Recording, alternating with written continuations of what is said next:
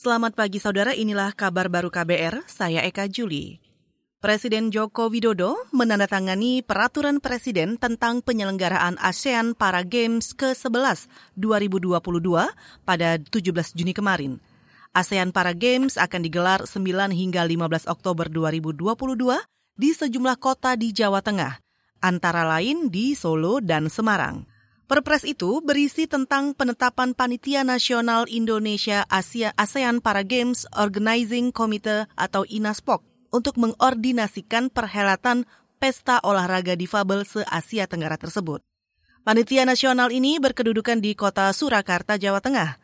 Nantinya, panitia nasional ditugasi menyusun dan menetapkan rencana induk, rencana kerja, dan anggaran penyelenggaraan supaya sesuai tujuan.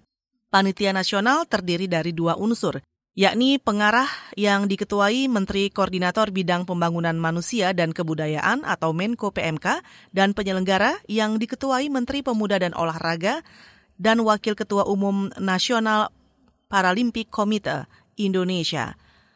Panitia Nasional Inaspok bertanggung jawab kepada Presiden. Kita ke soal lain. BPJS Kesehatan secara bertahap akan memperlakukan kelas standar mulai Juli mendatang. BPJS Kesehatan kelas standar diberlakukan untuk belasan rumah sakit vertikal. Selanjutnya akan diperluas ke beberapa rumah sakit lain.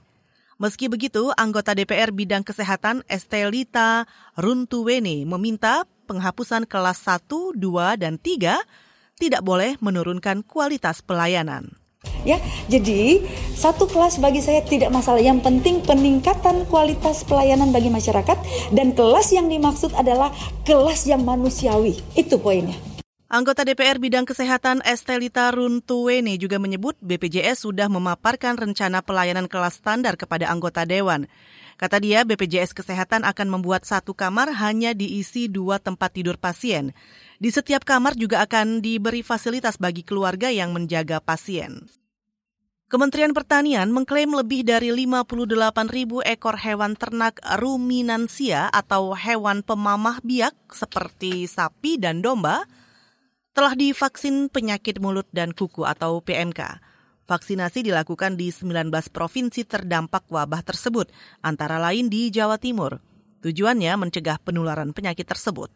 Mengutip antara news.com, Direktur Jenderal Peternakan dan Kesehatan Hewan Kementerian Pertanian, Nasrullah mengatakan daerah yang paling aktif melakukan vaksinasi PMK adalah Kabupaten Malang dengan jumlah lebih dari 24 ribu ekor. Namun data ini bersifat sementara dan akan terus diperbarui karena proses distribusi dan vaksinasi juga terus berjalan. Nasrullah juga meminta petugas lapangan mempercepat vaksinasi pada hewan sehat di daerah yang tergolong merah dan kuning guna menekan kecepatan penyebaran. Selain itu, ia juga meminta pimpinan daerah aktif bekerja sama mendukung kebijakan ini. Hingga kini lebih dari 273 ribu ternak positif penyakit mulut dan kuku di 217 kabupaten kota di 19 provinsi. Saudara demikian kabar baru, saya Eka Juli.